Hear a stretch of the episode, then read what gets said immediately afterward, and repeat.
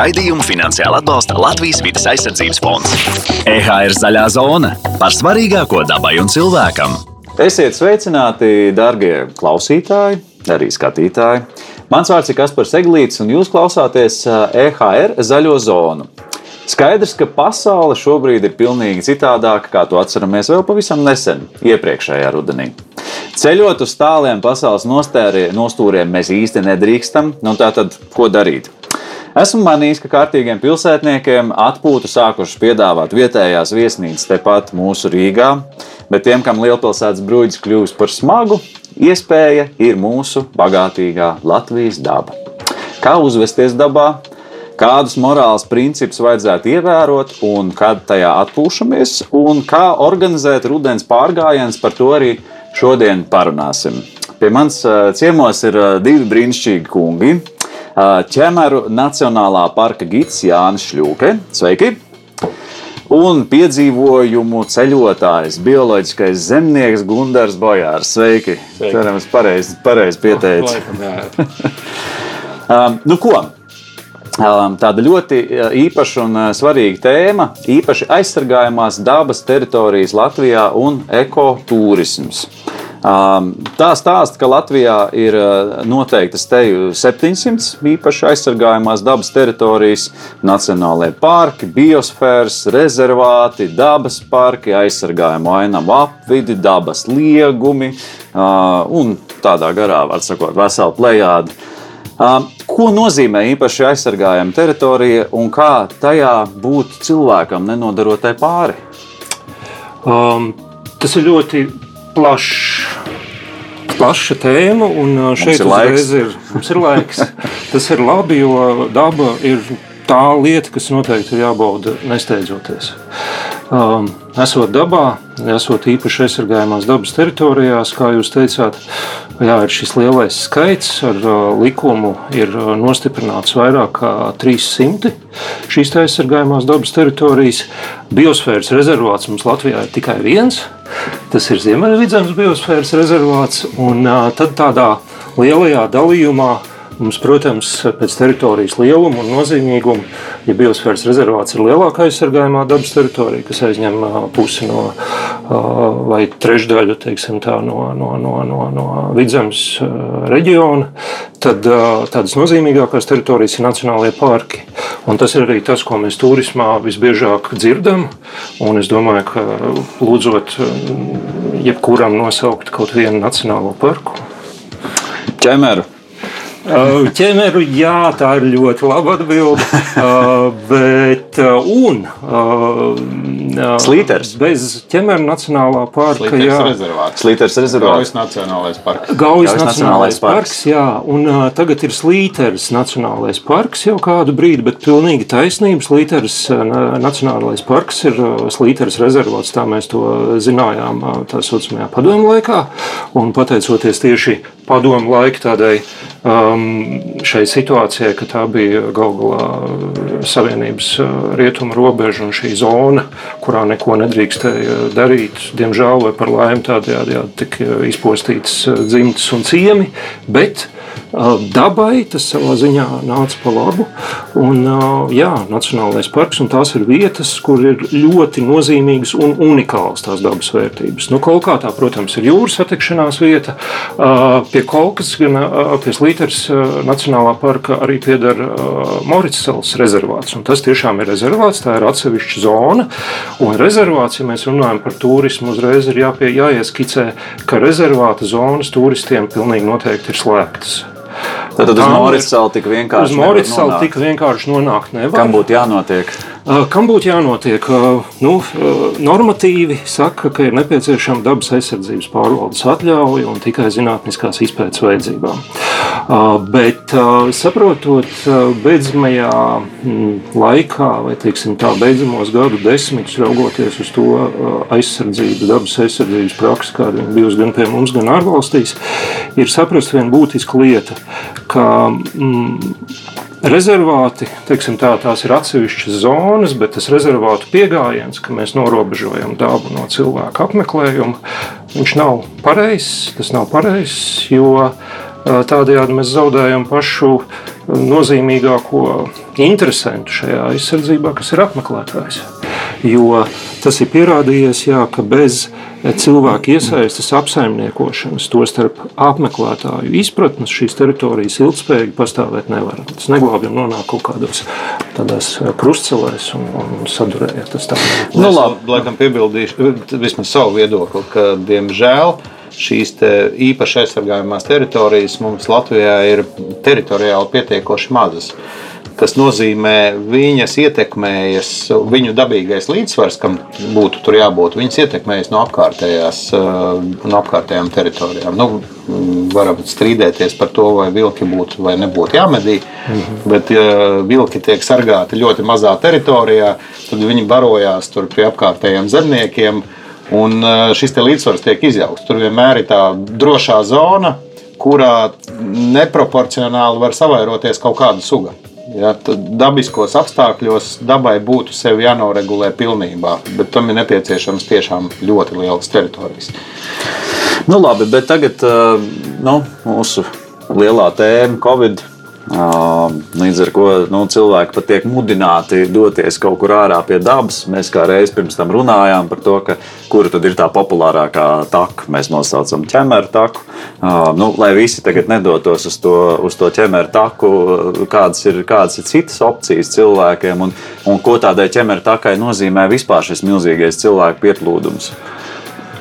Mm, opciju vai iespēju ir gana daudz. Runājot par aizsargājumām dabas teritorijām, un uzreiz ir jāatzīmē, ka takas saistās ne tikai ar aizsargājumām dabas teritorijām, jo, kā jau kolēģis minēja, šīs teritorijas tomēr ir uh, salīdzinoši lielākā daļa salīdzinoši mazas un fragmentētas, un tad mums ir īpaši jādodas uz kādu. Uh, punktu, kurš ir uh, varbūt attālu no mūsu dzīves, bet mums nav pietrūkst tādas izpratnes, kas tad ir apkārt vēl šajā teritorijā. Jo ko tad mēs izstaigājam to divu kilometru taku, kas, piemēram, ir ierīkota, un uh, ko tālāk?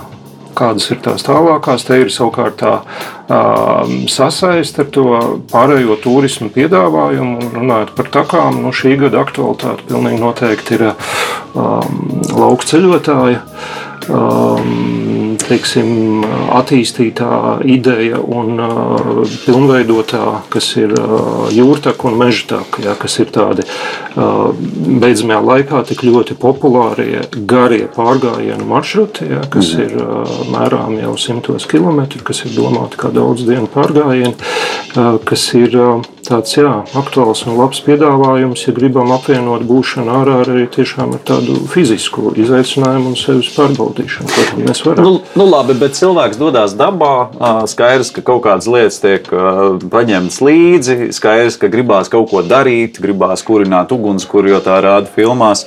Kā vispār saprast, ko cilvēks drīkst darīt un ko pats svarīgākais nedrīkst?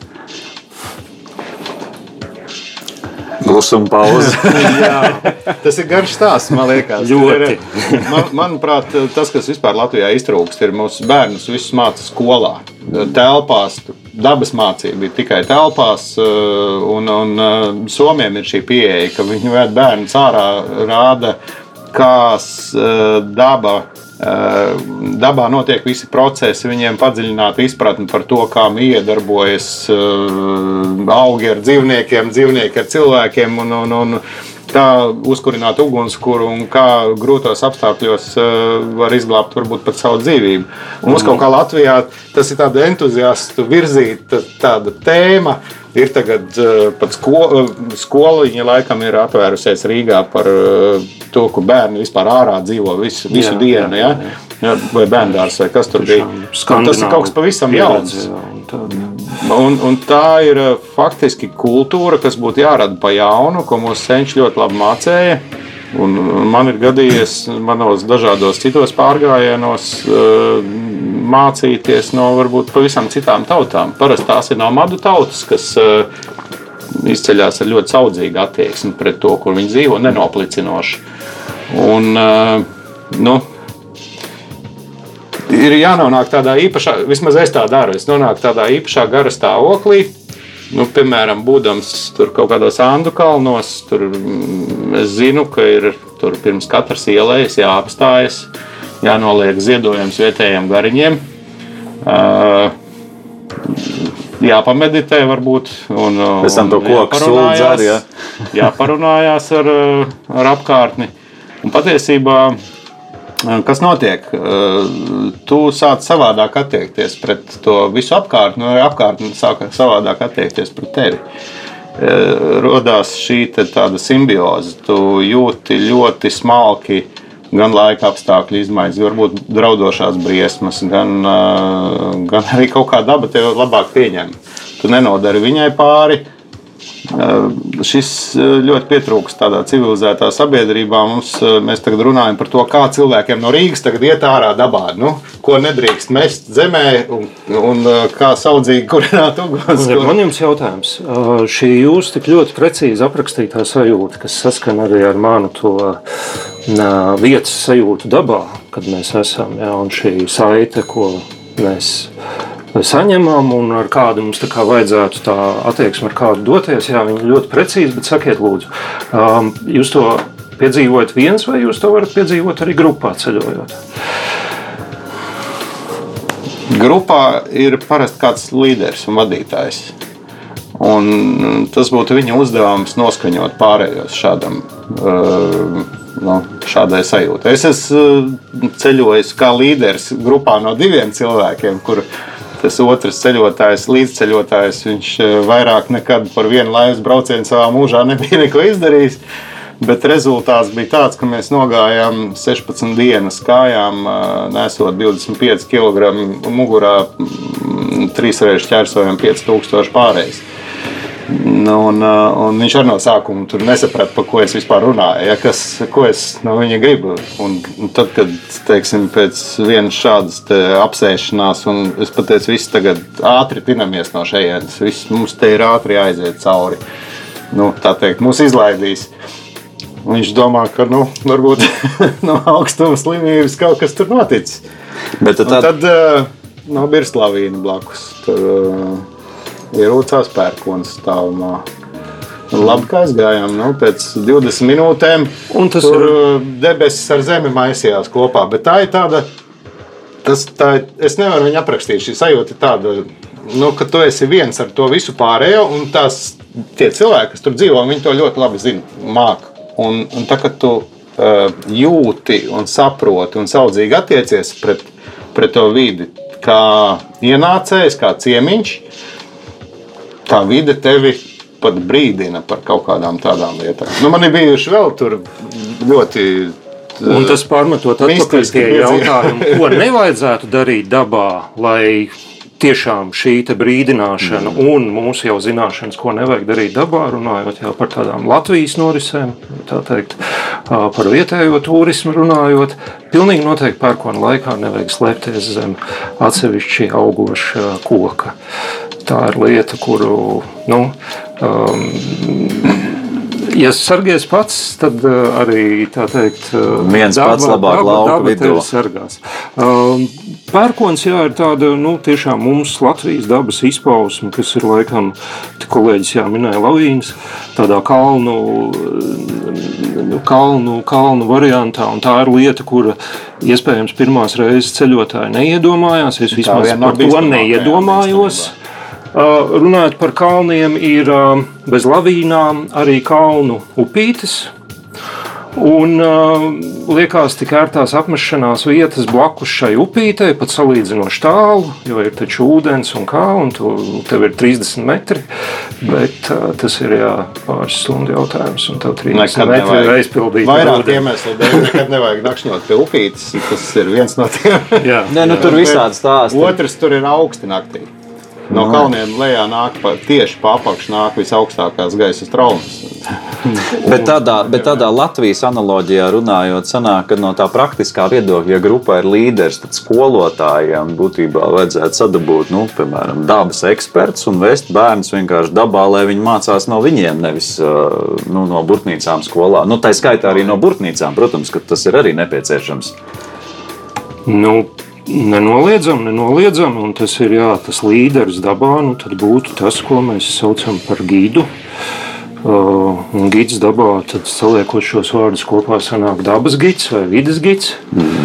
Un, uh, savukārt tā metode, ar kādu tiek stāstīts par dabu, tad kopumā saucās vidas interpretācija, un tas jau šis jēdziens ir. Uh, vairāk kā 150 uh, gadus vecs un uh, radies Amerikas Savienotajās valstīs līdz ar pirmo nacionālo parku izveidošanu, kur uh, bija cilvēki, jā, nu, nacionālajā parkā mums jāsaprot, tajā vietā, tajā brīdī nebija tik viegli sasniedzams teritorijas. Ja es nemaldos, Yellowstone izveidošanas gads ir uh, 1807, 72, 76, kaut kas tāds.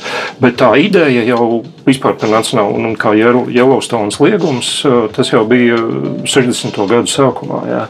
Un uh, nu, arī vilcienu satiksme vēl tajā laikā arī bija. Nu, vai šķērsoja tā teikt, visu kontinentu. Tiešām bija tas bija brauciens uz mežonīgajiem rietumiem, jā, bet ar šādu, ar šādu nu, tur bija tāda. Teiksim, nacionāla, romantiska, patriotiska un var, pat varbūt arī sakrāla šī šķautne, ar kādām cilvēki tad, Amerikā tajā brīdī pārvietojās uz nacionālajiem, nacionālajiem parkiem. Un kas bija tie cilvēki, kas Nacionālajā parkā šos uh, turistus uh, stāstīja viņiem par to redzamo. Un tie arī, teiksim tā, uh, kā Marks un Engels, ja, ko mēs zinām, jā, kas ir kā kaut kādas teorijas patriarhi, uh, tad arī vidas interpretācijā lūk, ir šāda. Uh, Amerikāņu vīri ar bārdām un pīpēm, kas ir um, nu, aprakstījuši un parādījuši ar savu piemēru, kas ir, tāds, kas ir tas veids, kā būtu jārunā par dabu, kā būtu jārada tā vietas sajūta, tā, tā, tā, tas piedodiens, par ko mēs runājām, kad ir šī apusējā saikne. Nu, labi. Mēs šeit laikam pat nepieminēsim to, ka vajadzētu aiz sevis visu savākt un, un ko ienesi, to aiznes. Un, un tā, Jā, šai, un tā tālāk, ja? šajā starpā arī jautājums. Dabas, dabas aizsardzības pārvalde sadarbībā ar Pasaules dabas fondu īsteno šobrīd veselu informatīvo kampaņu ar nu, samērā ambiciozu mērķi, proti mainīt sabiedrības uh, ieradumus, dodoties atpū, atpūsties dabā. Uh, kampaņas moto dabā ejot, ko atnes to aiznes. aiznes. Nu, jā. Doma esot aizvietot atkritumu tvertnes ar kampaņas plakātu. Var uzjautāt, vai tas, vai tas vispār strādā, vai tas tā vispār ir iespējams, vai tomēr kaut kādas tvertnes mums vajag tomēr tajos mežos. Um, nu, uz šo jautājumu mēs varam jā, raudzīties no tāda komunālās saimniecības viedokļa, kā par apsaimniekošanas teiksim, sasniedzamību un, un, un, un um, to, jā, cik tad galu galā ir um, cik efektīvi. Un par, runājot par īpaši aizsargājumām dabas teritorijām, es domāju, ka tās ir ļoti labas vietas, lai um, tomēr uh, pateiktu to, ka šī nav vieta, kurā mēs kaut ko atstājam. Mēs no šīs vietas ņemam līdzi. Mēs ņemam līdzi atmiņas, mēs ņemam līdzi fotografijas, mēs ņemam līdzi šo sajūtu, ko mēs esam piedzīvojuši, bet atstājam mēs Uh, nu, jā, šos uh, ne citus pēdu nospiedienus, kā nu, nospiedumus, kā vien tikai savu apavu nospiedumus. Es vienkārši domāju, tādā ziņā, ka tā tēma ir ārkārtīgi tāda nu, dziļi iesakņojusies. Padomju laikos nu, mēs vēl aizvien varam dārzos, teritorijās atrast, ka atkritums tur kādreiz raka vienkārši zemē iekšā. Bet Tāpat es, tās arī te, mežos tas turisms arī bija citādāks. Latvijas vai padomu laiku gadījums paradoxāli, bet tur, kur ir šis te intensīvais turisms, no nu, Maču Pikču tūmā un vēl kaut kur, kur turistu plūsma civilizēto turistu plūsma ir, ir liela. Eh, pat tie vietējie iedzīvotāji vairs nespēja ievērot eh, šo nomadu dzīves stilu. Tur ir piesārņots, tur ir netīrs, tur ir, eh, tur ir visi šie atkritumi, plastmas un tā tālāk. Pat ne no turistiem. Kaut kas sabojājas tajā visā vidē. Tā ir, man liekas, tā nav padomju tikai mm, nu, jā, tradīcija. Āzija vispār ir katastrofālā stāvoklī liela daļa. Eh, un, un vietas, kurās eh, cilvēki saudzīgi izturās pret, nu, pret jebkuru lietu, pret, pat pret plasmasas pudeli. Ja, viņi kaut kā māca pielāgot. Bet es vienkārši domāju, vai, vai, vai šeit to sabiedrisko domu caurmērā, vai viņu var nu, mainīt, vai tam tur ir jāpaiet gadiem, kaut kā ticu, jāmainās paudzēm. Jā, jāmainās paudzēm ir ļoti labs apzīmējums, bet tās paudzes jau ir nomainījušās. Ja mēs tā jā, aizies tagad jau otrā paudze. Un, uh, tur mums tiešām ir jāsako, kas ir tas uh, pamatojums, kas ir tas stāsts, ar kādu mēs to darām. Viena lieta, kad um, tiek, ir tāds pieņēmums uh, dabas aizsardzībā, un tiešām, ja mēs tā papētām uh, dažādu valstu attieksmi, nu, normatīvu līmenī pret atkritumu, pret atkritumu lietu un dabas aizsardzību, mēs saprotam, ka dabas aizsardzības prasības krietni mazinās virzienā uz ekvatoru. Teiksim tā, jo tuvāk mēs esam ekvatoriālās zonas valstīm, jo mazāk uzmanības tiek pievērsta dabas aizsardzībai, kas nav vispār saistīts ar vietējo iedzīvotāju un vietējo uh, iezemiešu attieksmi. Jā. Mm -hmm. Bet tas ir tiešām tādā valstiskā līmenī. Um, un, protams, ka ir jāsaprot, ka mēs, un, un šeit mēs runājam par paudzes nomainīšanos kopš. Uh, Nu, Galu galā man grūti brīžiem noticēt, bet kopš 2000. gada ir pagājuši 20 gadi. Jā, un 20 gadi ir uh, brīdis, lai pilnīgi noteikti izaugtu tas, ko sauc par jaunu paudzi. Un uh, tad jau šīs tā tādas uh, skandināviem, tik, uh, nu, vai, vai, vai mēs esam pieraduši nosaukt tās eiropeiskās vērtības, ja tādas, uh, tad jau viņas tā kā, nu, liekas pašsaprotams, un atkritumu nu, šī apziņa par patērētāju sabiedrību, aprites ekonomiku un to, ka atkritumi ir lieta, no kuras mēs varam izbēgt, un ja mēs nevaram izbēgt, tad mēs viņu kontrolējam. Tā jau, es domāju, diezgan pašsaprotama. Protams, ir virkne ceļotāju, sevišķi vietējā turismā, jo vietējais turisms, kā mēs zinām, ir daudzkārt pieejamāks tautas masām, kas par to varbūt vispār nekad nav aizdomājušies. Arī tāda, protams, ir. Un to mēs redzam tajā pašā Gaujas Nacionālajā parkā, kur jau drīz jau tie būs tādi, nu, nezinu, tādi geoloģiski artefakti, līdzīgi kā šobrīd Gūtmaņālā, jo tas jau arī ir tā laika vandālisms, ja, šie baronešu ģērboņi, ja, un tas ir stāsts, es te biju. Ja. Mm. Un tas, par ko es stāstu, ka drīz iespējams pārvērtīsies, ir nu, nevar tomēr izvairīties no šī vārda padomju laika, ja, kad bija ļoti populārs ūdens turisms.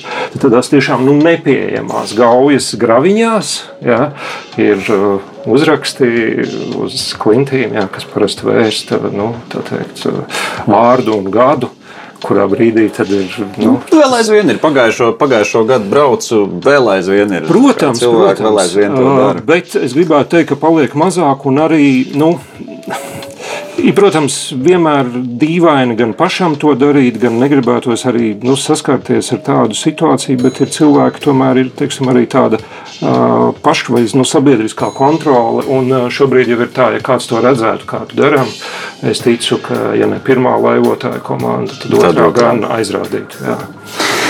Nu, labi, šobrīd vēl viena populāra tēma - motociklisti dabā. Man ļoti gribējās par šo parunāt.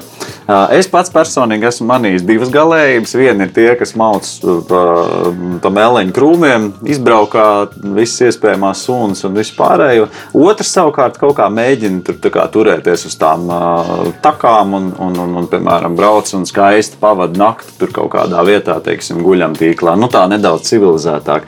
Nu, ja nu gadījumā tā vēlme tiešām ir nepārvarama doties dabā ar kaut kādu motorizētu līdzekli, nu, teiksim, ar mašīnu aizbraukt līdz kaut kādam punktam vai, vai, vai ar to pašu motociklu. Kā, kā to darīt pareizi, lai, lai, lai netraucētu nu, pārējos, kas grib varbūt iespējams klusumā atpūsties mežā vai, vai, vai nesabojāt kaut ko no tās dabas.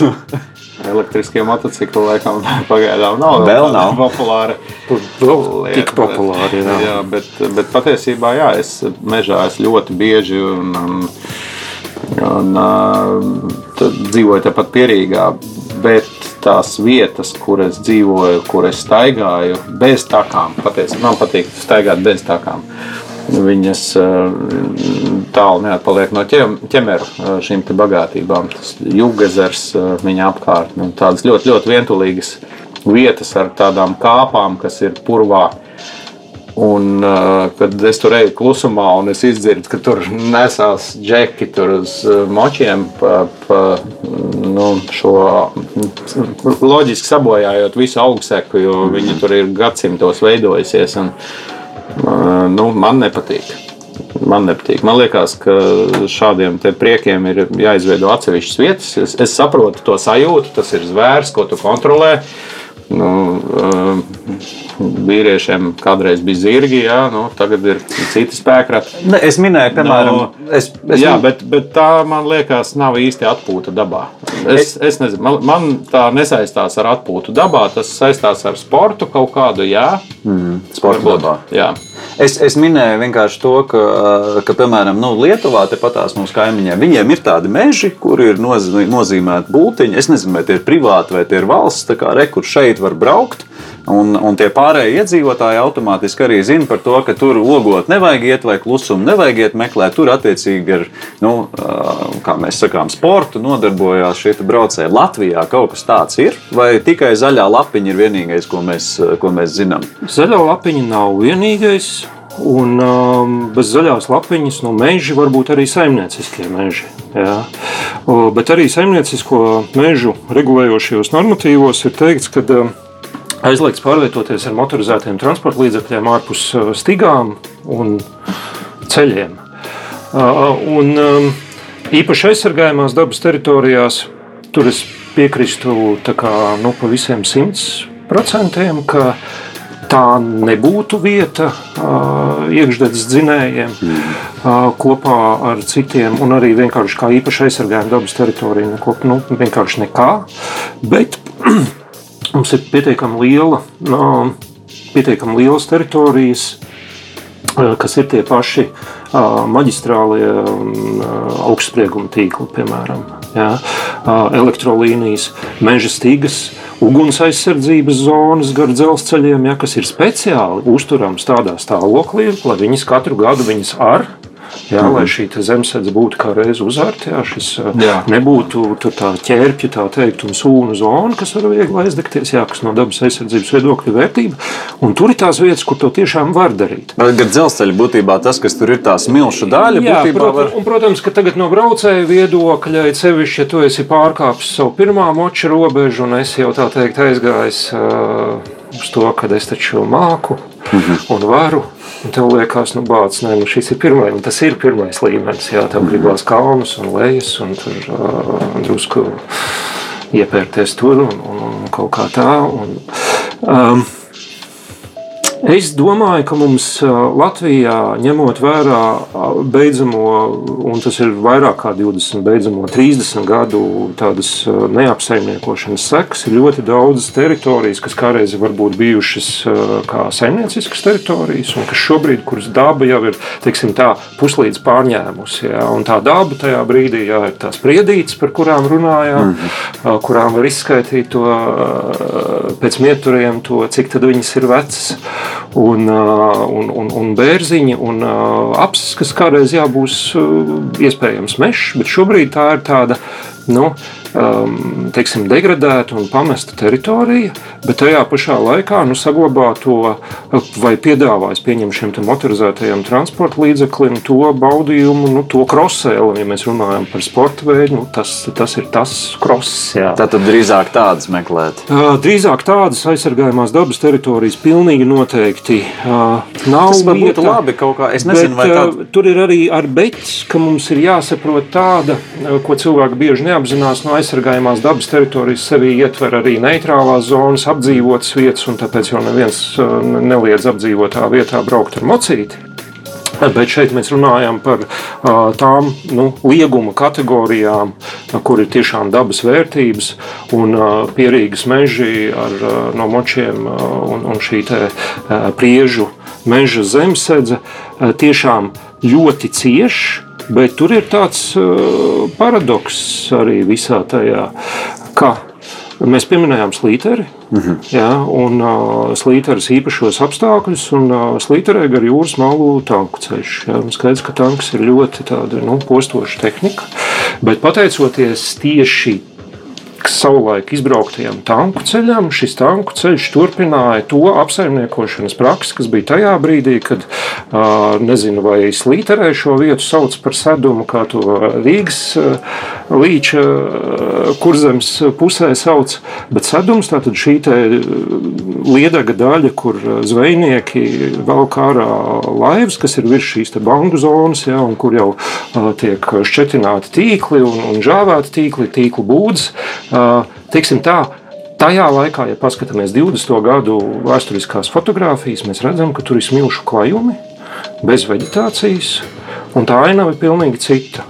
Un, uh, tanku ceļš kā reiz uzturēja to šo daudzveidības elementu, kad visam neļāva aizaugt. Jo tad, kad viss aizauga, sevišķi pie jūras kāpās, tad pienāk tādi nepopulāri sabiedrībā, nepopulāri lēmumi.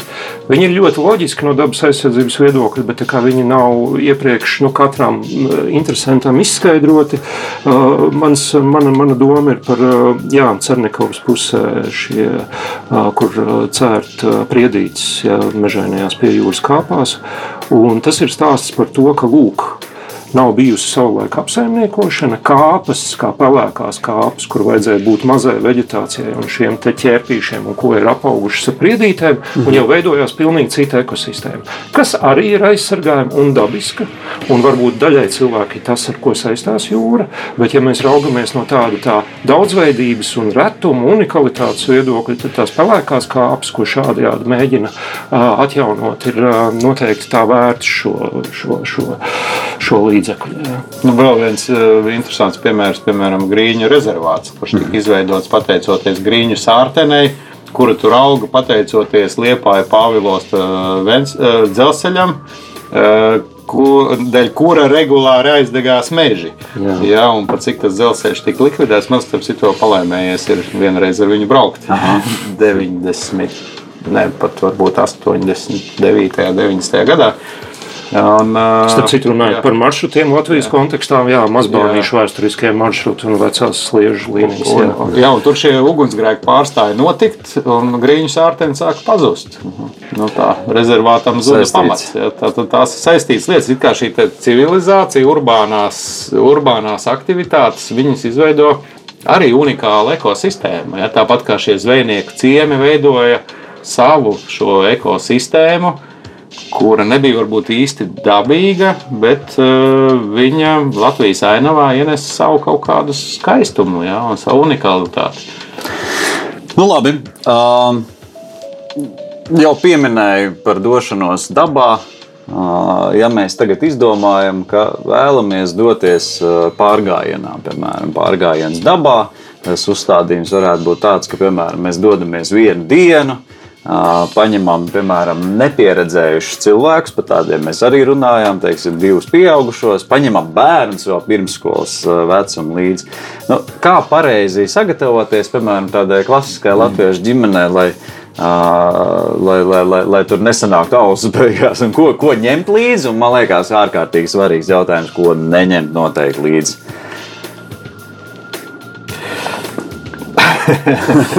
Man liekas, vispirms vajadzētu nu, kaut ko palasīt par to, ja kaut kādu pieredzējušu cilvēku stāstus.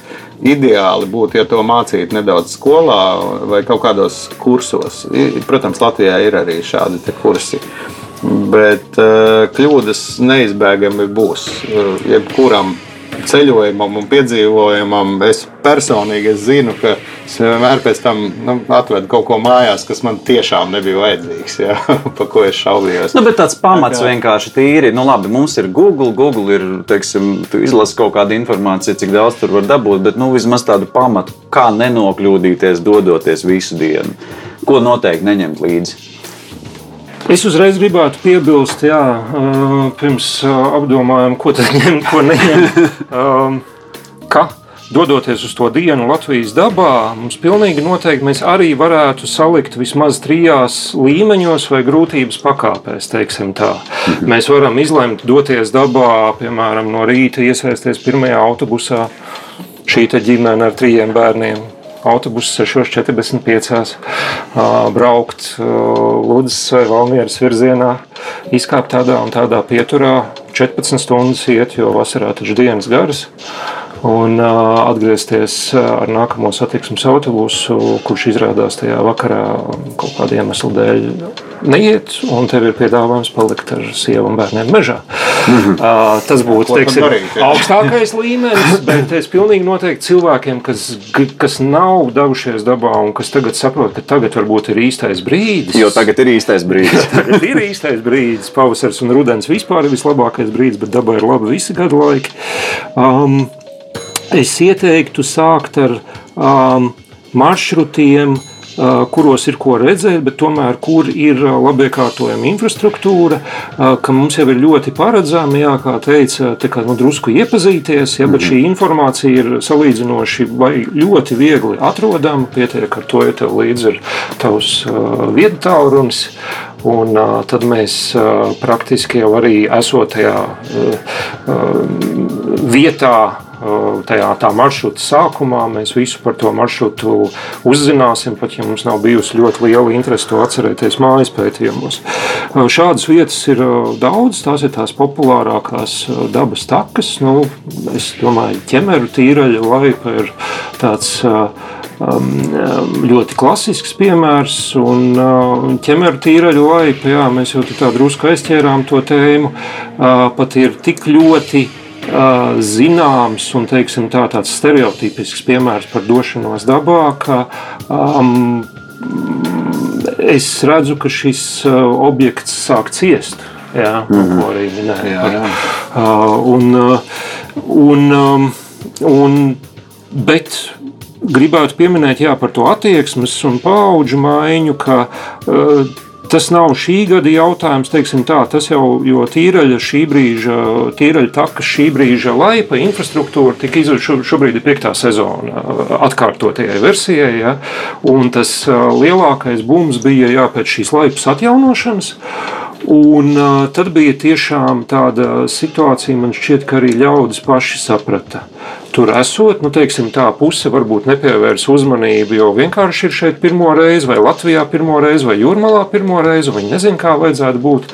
Bet tie, kas ir tīrai laipā, un tur ir ļoti liela apmeklētāja daļa, kas atgriežas un atgriežas ar to tīrai laipu, ir diezgan, manuprāt, unikāli. -hmm. um, uh, Viņi redz, ka nu, šī teritorija mainās, un mūsu pašu uzvedība, tieši jā, šis princips kaut vai jā, esot dabā, ko ienesi, to aiznes, ka viņš ir jāpiemēro. Kad, Pat cik ļoti patīkami saulrietā skatoties, ir uzvilkt dūmu uz tīraļa laipas, un tas nav aizliegts. Tev tavs cigarešu gals ir jāatrod nu, veids, kā viņu paņem līdzi. līdzi. Jā, jā. Nu, labi, bet, piemēram, ja ģimene nedodas uz tīreli, izdomā doties gar uh, jūru, nu gan jau, ka tur, nu, pieņemsim, aizbrauc uz to pašu pieminēto kaut ko. Nu, ir taču kaut kādas pamatlietas, labi, ja tur ir bērni, tad droši vien, ka ir jāpaņem maiņas drēbes, kaut kāds ūdens, jāpaņem, uh, nezinu, telefons, uh, kaut kāda baterija papildus telefonam. Nu, kas, kas, kas, es nezinu, kas vēl, nu, nazis. Interesanti, ka es vienkārši gribētu bišķi paplašināt to tēmu. Vispirms ļoti labi jāsagatavojas. Pat uh, vienkāršam maršrutam, ja ceļš ir iesācējis, ir, mm. ir tiešām jāsaprot, ko tu dari. Un bišķiņ jāpalasa. Mūsdienās tās literatūras pietiekami daudz, internetā ir daudz. Bet es tieši tagad uh, esmu iesaistījies vienā ļoti interesantā projektā kas būs vērsts uz um, nu, dabas tādu turisma ērtību uzlabošanu, precīzu maršrutu aprakstīšanu, briesmām, kas tur ir, kas jāparedz un tā tālāk, un tā tālāk ar, ar ļoti detalizētu tādu informāciju. Tur nav tikai kas ir jāņem, kas nav jāņem. Protams, ka ir jāņem līdzi viss, kas ir nepieciešams personiskai nu, labsajūtai. Tur pareizi apavi, kas nebērž, ja, pareizi zeķes, pareiza termoveļa, ja nepieciešams jaka, lietuma, vinstofers, ja ir gaidāms stiprs vējš, un varbūt kaut kas siltāks, ja dodas ziemā pārgājienā. Nu, tad ir attiecīgi jāparedz šī gan ienākšana, gan iznākšana, un uh, iespēja tomēr arī, ka nāksies pārnakšņot. Un ko darīt tad, un kā sasildīties. Un tās ir tik daudz detalizētas lietas, ka Nu, tas jau izklausās tāds ar- ekstrēmais būs- gadījums. Jā, bet, bet dabā notiek ekstrēmas lietas, uh, un dažreiz pilnīgi negaidīti. Un uh, tavs iepriekšējais plāns, viņš izrādās, uh, ir jākoriģē. uh, Ņemot vērā mm, tos apstākļus, kādi tev ir apkārt, man tā ir katrā gājienā. Ja? Nekad nav tieši tā, kā tu esi izdomājis. Un tāpēc varbūt sākt ar nelieliem treniņiem, tādiem pusdienu gājieniem, Pakāpeniski. Jā, nu, vispār pārbaudīt, vai tu esi nopircis pareizos apavus. Mm -hmm. Teiksim, noberstas kājas ir tipiska kļūda vienkārši iesācējiem. Tipiska.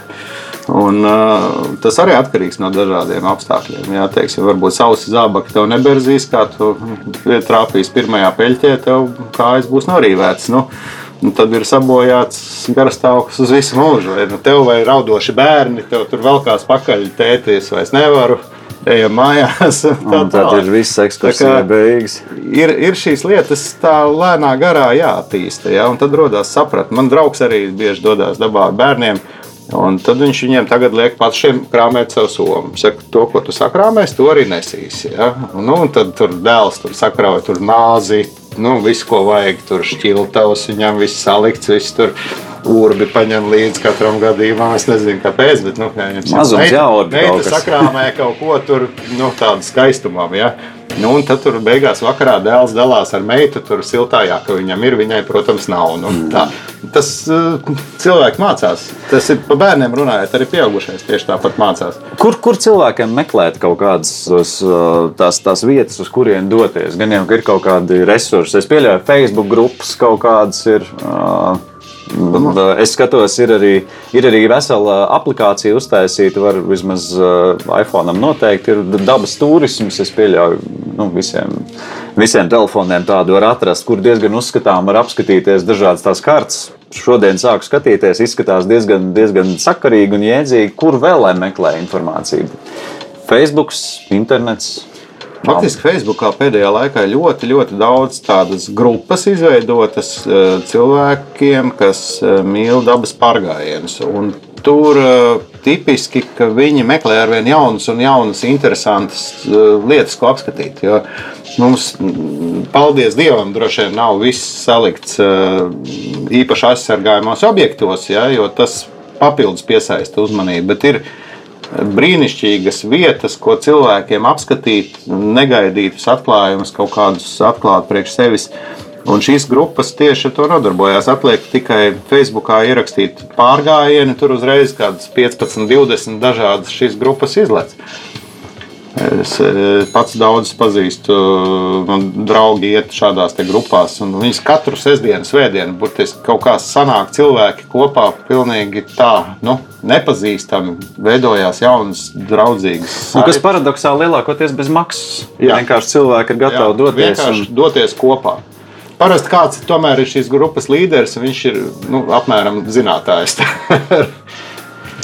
Iespējams, gan bez, bez gida licences vai, vai Kā teikt, jā, kā ir tas izteiciens, ka kurpnieks staigā bez kurpēm, tad es kā gids, jā, šādā pārgājienā vēl neesmu devies.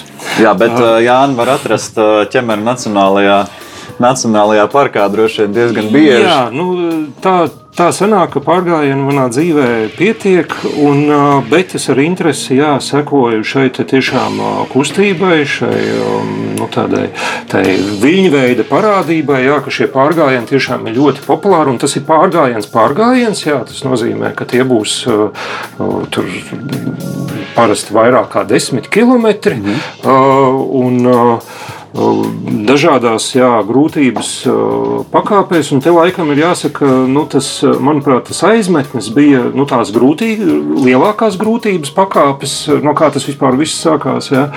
Visi šie izturības maratoni, ja, kas ir diennakti ilgie, kur tev vajag šķērsot uh, kaut kādu noteiktu ļoti cilvēkam nedraudzīgu teritoriju. Ja mēs runājam tajās grūtības pakāpēs, lūk, tā ir grūtības pakāpe, kas ir maksimālā grūtības pakāpe.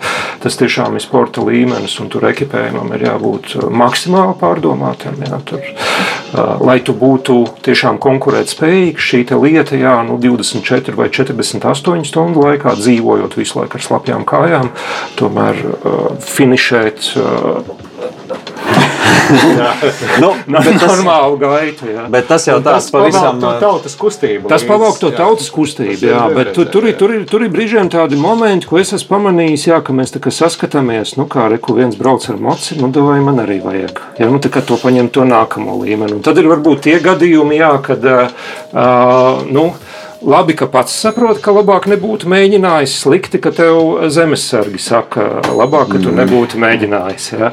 Jo reku mums tagad uh, sanāca izsaukt jā, papildu spēku, tā teikt, vēl no uh, Lietuvas, tā teikt, helikopteru, ja, lai atrastu nomaldījušos personu mežā.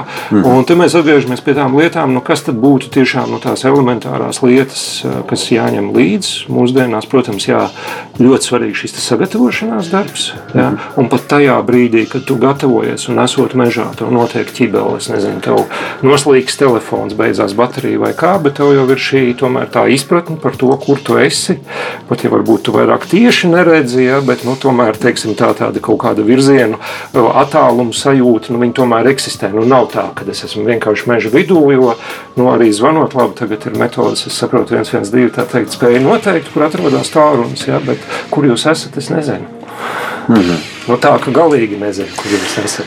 nu, Tādēļ šīm vismaz kaut kādām elementārām sapratnēm par, par, par orientēšanos dabā viņām būtu jābūt. Nu, es, kad es taisu savus maršrutus, nu, vienkārši pats sēžu un man paiet kāds mēnesis, divi, kamēr es izdomāju, izpētu visu, ko vien iespējams. Un, Nu, dabā vienalga iznāk savādāk. Man ir līdzi gan modernās iekārtas, kur es eju, tur gan telefonam zona nav, bet nu, vismaz GPS darbojās. Un tad ir noteikti līdzi drukātā karte, noteikti līdzi ir kompass. Noteikti līdzi ir vairāki veidi, kā iekurināt ugunskura. Mm -hmm. ja, tādi, nu, viņi ir mazi, kompakti, bet vienmēr ir. Un nu, kaut kāds rezerves, es nezinu, nu, enerģijas avots, ja, teiksim, nu, tur ēdamais, es domāju, ēdamais, ja. Jo, un, un tad tas tev palīdz izdzīvot arī grūtā situācijā. Nu, tādos Latvijas apstākļos un vienas dienas gadījumā, jā, tad es ļaujiet rezumēt, kas ir tās obligātās lietas, kam jābūt līdzi. Tad trīs paliksim, jā, sagatavotība pāri visam, bet tālrunis kā ierīce, kas tomēr nes to nu, tādu informāciju, ja nu tu pēkšņi aizmirsti to, ko tu esi raudzījies. Nu, tad visvieglākā ierīce, jā, var piezvanīt Tostarp enerģijas avots, kā ēdamais, un mēs zinām, ka bez ēšanas mēs varam iztikt krietni ilgāk nekā bez dzeršanas. Tā obligātā lieta ir ūdens. Tā tad ūdens. Vienas dienas maršrutā, jo tā ir arī ļoti populāra kļūda tādā nu, iesācēju pirmā, pirmā, pirmā, pirmā līmeņa teikt, grūtības pārgājienos, ir sevišķi ar bērniem. Jūs teikt, esat tikko izkāpuši no mašīnas, pagājuši puskilometru, un izrādās, ka bērni jau tevis paredzēto pusotru litru ir saldā gāzūdens ir izdzēruši. Un trešā lieta? Um, Mm, Sagatavošanās, ūdens, ēdiens. Ūdens, ūdens ēdiens. Nu, jā, atsevišķas tiešām šo te ēdienu, jo ēdiens kā batoniņš, kā enerģētiski kaut kāda, teiksim, kondensēta e, enerģijas vienība, mm. tas pats kondensētais piens, ja mēs runājam. Jā, tas ir smagi. Tas arī bērniem garšo. Tas arī bērniem garšos, bet tajā brīdī, kad ir vakars uz ezera, Viņš jums ļoti palīdzēs teikt, visai ģimenei nomierināties, saprast, ka viss patiesībā ir labi, ka ir kondensētais piens. Varam arī naktī. Alkohols, starp citu, nesasilda. Ne? To nav jāņem līdzi. Jā. Viss tiks labāk ar mīlestību. nu, ko, cerams, ka klausītājiem vakars uz ezera pienāks tikai un vienīgi laivā. Visādi citādi um, gatavojamies, um, pārdomājam maršruts kārtīgi. Dodamies dabā, jo dabā šobrīd tiešām ir īstais laiks doties. Paldies par sarunu šodien. Pie mums ciemos bija ķemera Nacionālā parka gids Jānis Šļūke. un piedzīvojumu ceļotājs, bioloģiskais zemnieks Gunārs Bojārs. Paldies jums abiem diviem un, Paldies. un uh, izturību un veselību mums. Paldies! Raidījumu finansiāli atbalsta Latvijas vidas aizsardzības fonds.